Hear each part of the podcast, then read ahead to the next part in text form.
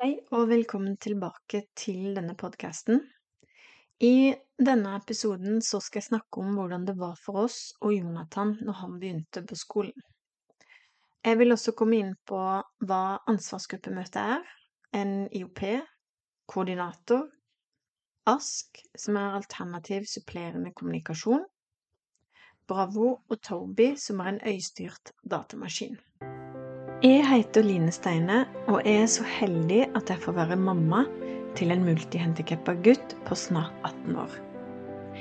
Hvis du har lyst til å høre hvordan dette har berikt mitt liv, og hvordan det har fått meg til å vokse som menneske og sjel, så burde du høre på denne podkasten her.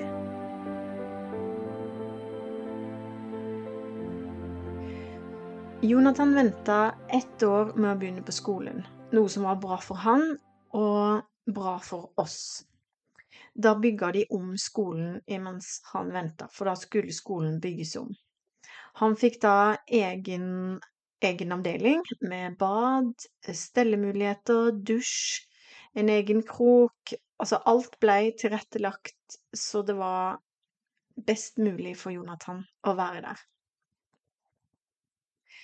Eh, siden han da venta etter, og så fikk jeg en del tilbakemeldinger fra foreldre som syntes at det var dumt at han ikke skulle begynne klassen til barna de sin. For det var flere som sa til meg at han er en ressurs for de andre, og det er en fin lærdom for de andre barna i klassen å se at ikke alle er like. Samtidig så fikk jeg masse hyggelige tilbakemeldinger fordi at nå skulle han begynne i klassen med noen andre. Jonathan gikk liksom aldri i klassen til noen, selv om han egentlig hadde en klasse. På skolen så sto han i ståstativ i timene og drev med iPaden sin med høretelefoner og var med i de mest kreative fagene som kunst og håndverk, mat og helse, musikk. Men vi som foreldre fikk ikke følelsen av at han tilhørte en klasse. For vi var jo ikke med på de vanlige foreldremøtene. Vi hadde jo våre egne møter, som heter da ansvarsgruppemøter. I et sånt møte så Da kunne vi ha med eh, PP-tjenesten fra Setesdal. Vi kunne ha med spesialpedagog, rektor, helsesøster, fysio, lege, koordinator. Eh, det er noen som var med. Av og til var Hjelpemiddelsentralen også med. Så dette var et da møte som alle barn med spesielle behov har krav på å ha. Koordinatoren er da en person som koordinerer ting for oss rundt Jonathan. Vi var så heldige å få ha en uh, dame uh, i noen år som var vår koordinator, som også var helsesøster. Hun heter Ingrid Bjønnes. Hun var helt fantastisk, og hun klarte å samle trådene for oss på en helt nydelig måte. Hun lagde IDP, som er en individuell deltakelsesplan, eller det er en oversikt over alle tjenestene som en person har brukt for. Eh, det er altså en plan som koordineres for personer med langvarig eh, tjenestebehov fra det offentlige, og det er knyttet til helse- og omsorgstjenesteloven og pasientrettighetsloven. Og så står det kontaktpersoner og masse sånn bra info samlet i én plan. Så har Jonathan noe som heter IOP. Det er en plan som følger opplæringslova, og det er for elever med spesialundervisning som ikke kan følge de nasjonale læreplanene. Plan som er individuelt tilpasset. For Jonathan så var det masse forskjellige som sto i den her, men det er viktig at de måla i denne planen er konkrete og målbare. Det er faktisk det viktigste. Det hjelper ikke å flotte og fine de målene hvis ikke de er målbare. Så dette var litt om ansvarsgruppemøte, IOP og koordinator og IDP. Var vi jo så heldige at når Jonathan skulle begynne på skolen, så bygga de jo om denne skolen. Og den gjengen som kom og jobba med Jonathan, det var jo en helt fantastisk gjeng av mennesker. Fordi at mange av de har jobba med Jonathan siden han var i barnehagen. Spesialpedagogen hadde fulgt han gjennom barnehagetida. Hun kjente han kjempegodt, og det er en kjempestyrke for Jonathan at hun gjorde det. Det dukka også opp noen nye mennesker i livet hans. Vi hadde jo hatt veldig mange flotte mennesker i barnehagen inne på Jonathan, og nå kom det noen enda flere fine mennesker. Så når jeg tenker på dette nå, så tenker jeg at wow, så heldige vi har vært, og mange nydelige, flotte mennesker den gutten har dratt inn i vårt liv, som vi aldri hadde møtt hvis ikke det hadde vært for han. Og så blir vi kjent på en annen måte, en kanskje litt sårbar måte. Eh, det denne flotte gjengen gjorde, eh, de behandla gutten vår som en prins, det må jeg bare si. De lagde sanserom, de engasjerte seg, de gikk på kurs, de ga han fotbad, de var nøye på sveisen, de passa på at uh, maste og sa at nå er det på tide han klipper seg. De var flinke på å porsjonere han. Uh, de Nå, det her er litt vilt, men de strikka sokker, pulsvarmere, for han var veldig kald. De sydde smekker, for vi hadde sånn spesialsmekker, sånn trekantsmekker, for han sigla veldig, veldig mye. Eh, sånn at han skulle se litt fin ut, og de bestilte vi, og de var veldig, veldig dyre. De, hun ene tok fram, Helga tok fram symaskinen og sydde de her smekkene, og hun sydde òg i ullfilt, for det er veldig kaldt når det er minus ute og du har, driver og sigler hele tida, så blir du veldig fort sår rundt munnen eh, og kald. Og det gjorde de. De ga han fotbad, fordi han hadde jo da veldig kalde føtter. De lagde sanseseng med nydelige lyslenker og delikate farger i hvitt og dempa lys og speil og eh, musikk, alt som hørte til. De tok han med ut i skogen, på skitur, på fjellet, de tok han til og med ut i vannet, altså han var ute i båt, i lavvo, på skolestarttur. De ga han opplevelser på det tidspunktet som vi ikke hadde krefter til å gi gutten vår. Jeg må bare gi en takk til de som jobba mest med Jonathan i den tida, det var mange nydelige mennesker innom, alle dere bor i våre hjerter. Men de som jobba mest med Jonathan, det var Helga, Beate, Mette og Anne Kari. Dere gjorde en fantastisk jobb.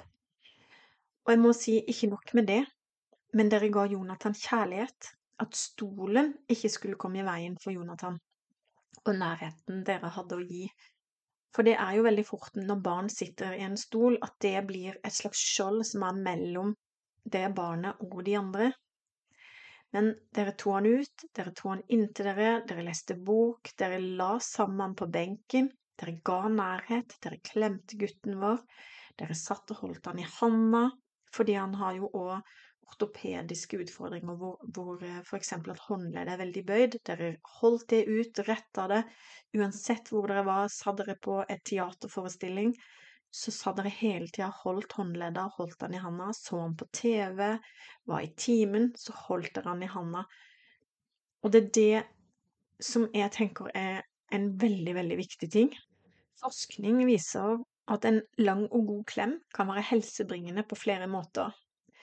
En klem kan frigjøre et signalstoff som kalles okstosin, som gjør at vi knytter oss til hverandre. Vi får tillit og kjenner oss ivaretatt.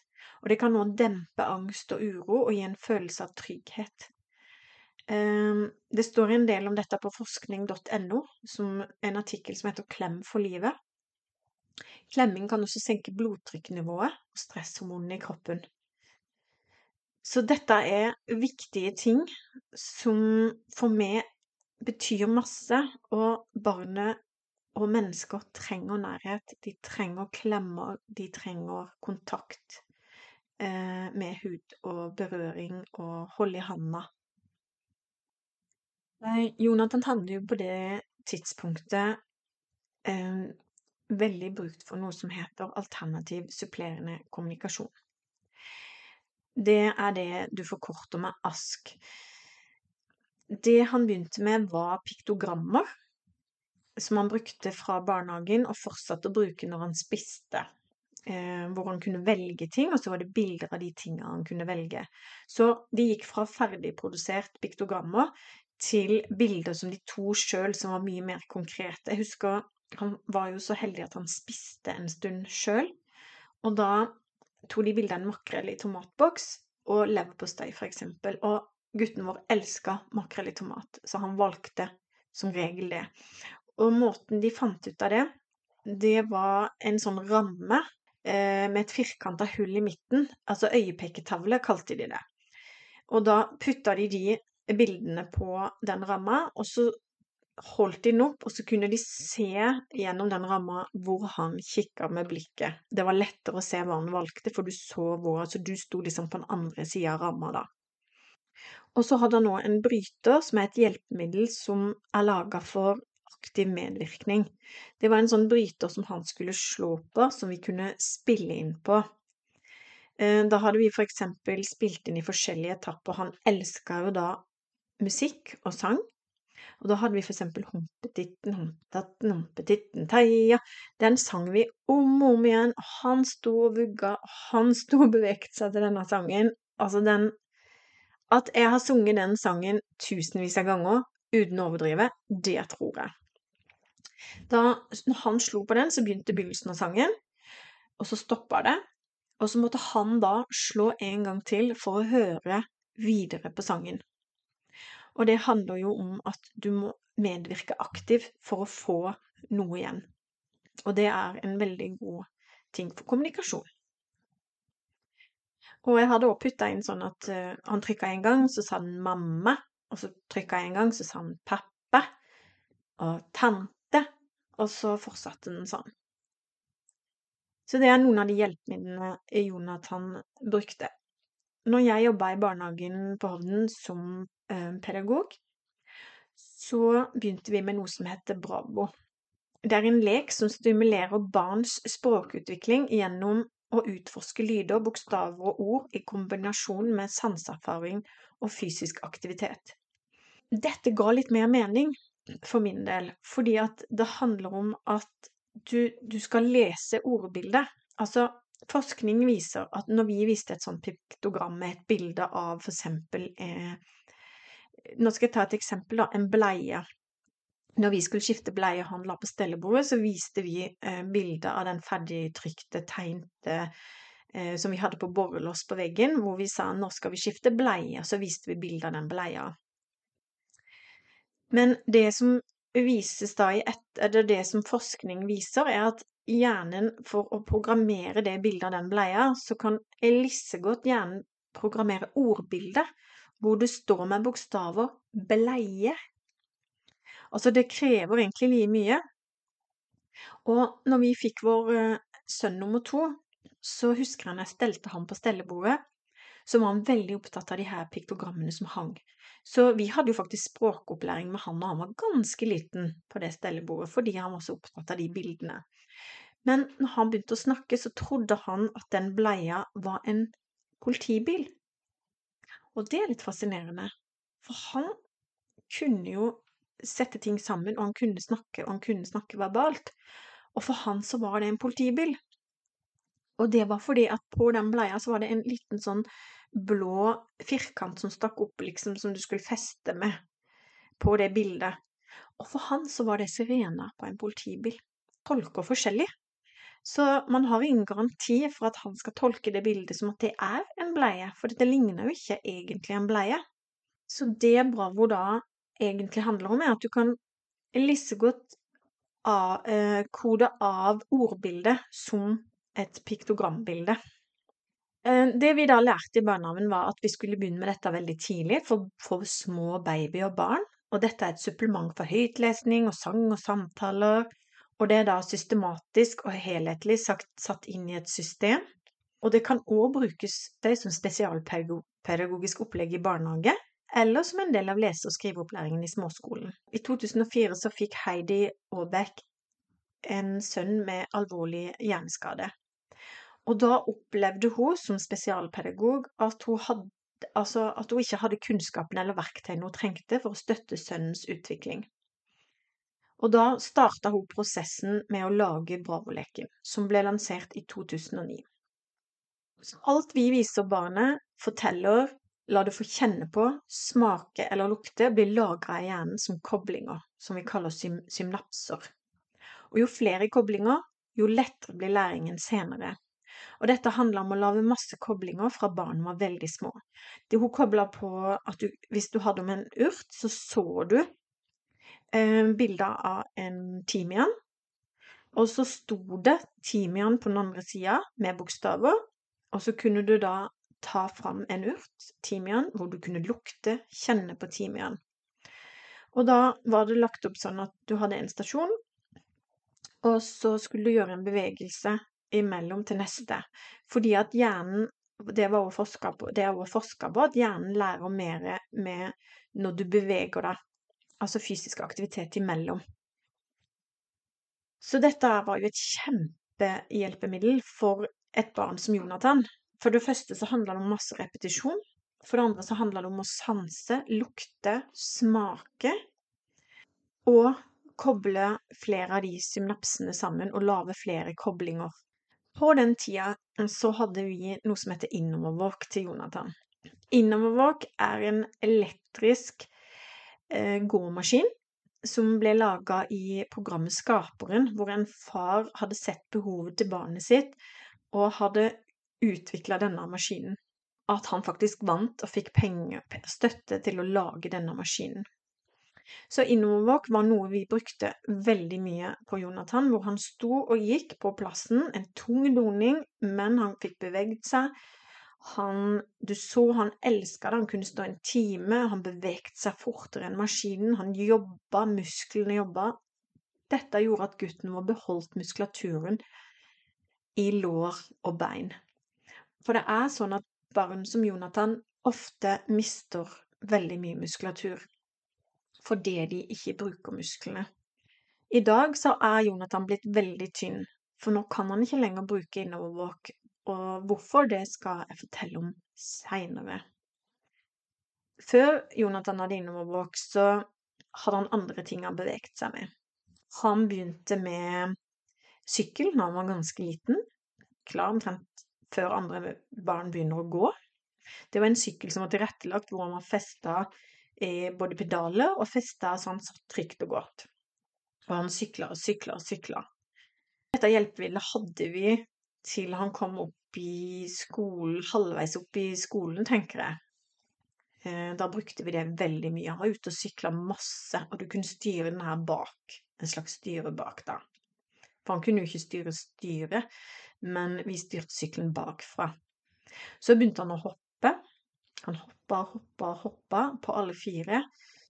Da har du eksempelet hvor eh, vi var på utallige sykehus, og gutten vår hoppa rundt i korridorer og rom og sykehusrom.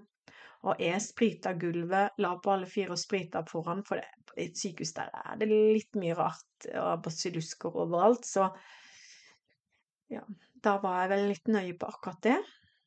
Og før han fikk innoverwalk, etter han da hadde begynt å sykle, så fikk han noe som heter NF-walker. Det er da en eh, walker som han blir festa i på hjul, um, hvor han beveger beina sjøl, og den beveger seg fysisk framover.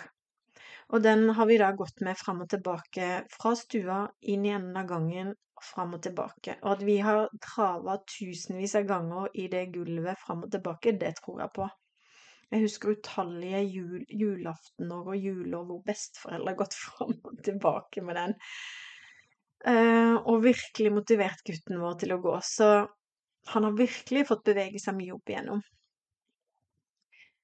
Uh, og dette da i kombinasjon med Bravo, når han da står i innovervåkeren, det er en kjempegod kombinasjon, fordi at da beveger han seg samtidig som han får se læring. Og dette kjente jo jeg at dette måtte jo han få på skolen, etter jeg hadde gått veldig mye kurs med Heidi gjennom barnehagen.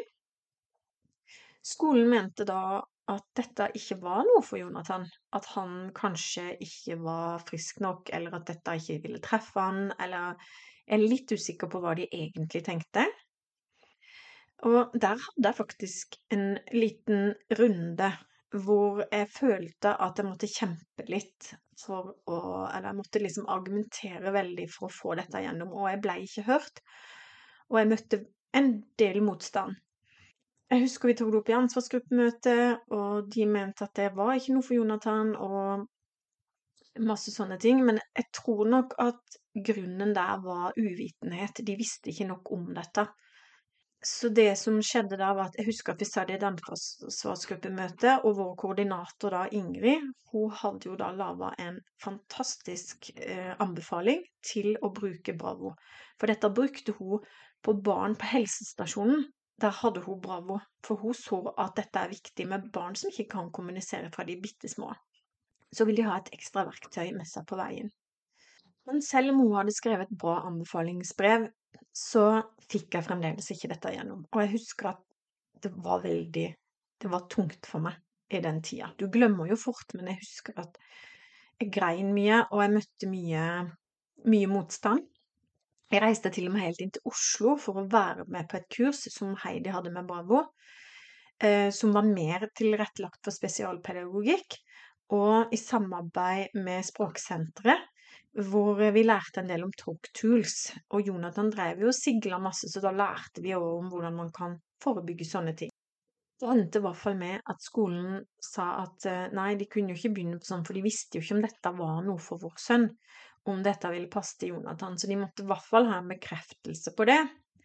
Og da var jeg så heldig at jeg traff Heidi på et møte i Bykle, eller på et foredrag om Bravo.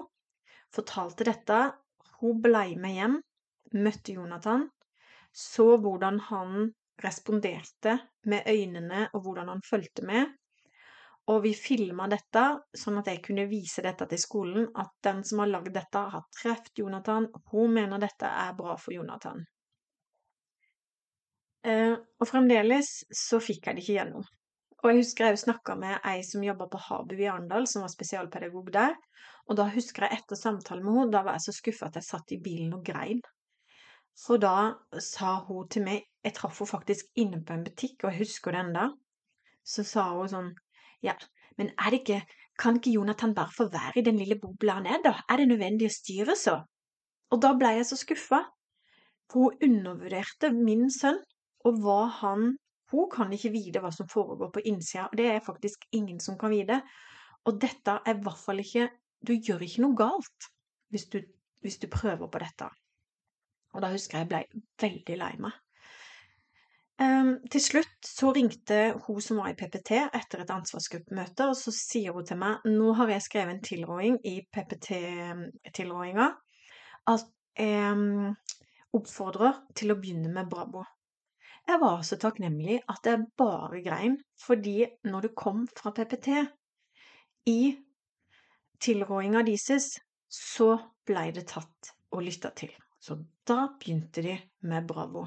Tusen takk for en nydelig dame i PPT. Så da begynte de med Bravo, og så gikk det faktisk ikke lang tid før skolen faktisk sier at dette var jo et fantastisk verktøy. Det var så konkret. Alle kunne jobbe med det. Det var enkelt å forholde seg til. Det var konkrete de kunne bruke. Alle kunne gjøre det. Det var egentlig et veldig enkelt opplegg. Så da ble det en del av Jonathan sin hverdag hvor han lukta og smakte og sansa på forskjellige urter og bær og hørte toner på musikk og fokuserte på farger og begreper. Ja, det ble et kjempebra verktøy. Noe som jeg også oppdaget på den tiden, det var det at eh, vi, vi har et blad som heter Handikapnytt. Og i en dag jeg satt og bladde i Handikapnytt, så så jeg noe som heter øyestyrt eh, datamaskin, som heter Toby. Så tenkte jeg hm, dette kan jo kanskje være noe for Jonathan. Jeg tok det opp, og jeg foreslo det, og jeg liksom kjente at dette traff meg. For er det noe Jonathan kan, så er det snakke med øynene sine. Tenkte at dette må være perfekt. Det var vanskelig å få gjennom. Jeg kontakta Hjelpemiddelsentralen, eh, avdeling kommunikasjonshjelpemidler, ASK. Um, og jeg fikk til slutt igjennom at det skulle komme en mann opp og ha prøve Toby på Jonathan. Jeg husker jeg var så spent den dagen. Og jeg husker han kom, han kom jo helt fra Oslo, og vi bor på Hovden, og det er mange timers kjøring, og jeg var så nøye med at Jonathan han måtte være opplagt den dagen. Jeg, jeg tenkte bare han må ikke ha anfall rett før, for da blir han så sliten, da klarer han ingenting. Nå er sjansen der. Og jeg husker jeg ba til høyere makter og spurte om hjelp snakka med Jonathan, så sa jeg nå må du være opplagt, for dette er så viktig at du nailer. Du må, du har én sjanse. Den mannen har kommet langveis fra. Han kommer ikke tilbake. Og alt gikk den dagen Eh, Jonathan var i superform. Han hadde ikke hatt anfall rett før. Han var våken, han var opplagt.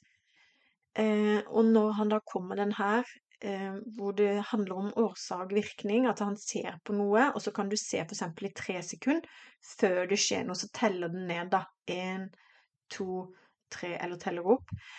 Og så får du reaksjonen. Han klarte å fokusere, vente på den nedtellingen, og så kom reaksjonen av det han så på. Og da sier denne mannen wow, det her naila han jo. Og jeg husker jeg sto og tårene rant. Fordi at intuisjonen min og det indre jeg bare visste, det ble bekrefta. Og jeg husker det var en fantastisk følelse når det da skjedde. Og han fikk da innvilga denne Tobien, som i tillegg er veldig, veldig dyrt. Du får den ikke hvis du ikke vet at du kan bruke den. Og jeg husker faktisk de som var på skolen, sto nesten med litt hageslepp. De var veldig overraska sjøl. Så det der var en slags liten, liten seier for både oss og Jonathan. Så siden så har han jo da brukt Tobin. Dette var litt om hvordan det var når Jonathan begynte på skolen. Det er kanskje For meg så tenker jeg at ja, de fleste vet jo Altså, dette er jo ikke noe å dele, for de fleste vet dette, men jeg skjønner jo nå at kanskje ikke Her er det kanskje mange nye ord og ting som kanskje, kanskje ikke man veit. Fordi at vi har jo bare fått denne erfaringen uten at jeg tenker på at vi har fått den. Så da har jeg snakka litt om ansvarsgruppemøte, IOP, eh, hva en koordinator er. Eh, ASK, som er alternativ supplerende kommunikasjon, som både var bryter, øyepeketavle, eh, Toby, eh, piktogrammer og Bravo. Og Toby, da, som var øyestyrt datamaskin, som sagt. Så i neste episode så eh, blir det rett og slett litt mer Når Jonathan nå ble eldre, og jeg sa jo at han på et tidspunkt slutta å bruke de hjelpemidlene som gjør at han bevegde seg um, Grunnen er at han fikk ortopediske utfordringer, og det skal jeg fortelle om i neste episode, for her kommer det mye operasjoner inn. Um, han har jo da CP-diagnose 5. Eh, og det jeg ikke visste, var jo at de fleste sånne barn utvikler en skoliose. Så da får du høre om min sjokkbeskjed når jeg da sitter med en lege fra Rikshospitalet, en ortoped, hvor han da sier at Jonathan må operere ryggen. Og jeg ikke hadde peiling. Og der sitter det syv-åtte mennesker foran meg. Eh, og jeg er en mor som griner og griner og klarer ikke å stoppe. Fordi at jeg plutselig har fått beskjed om noe jeg faktisk ikke visste eller var forberedt på. Så hvis du vil høre litt mer om dette i neste episode, eh, så anbefaler jeg deg å høre den. Ha det fint!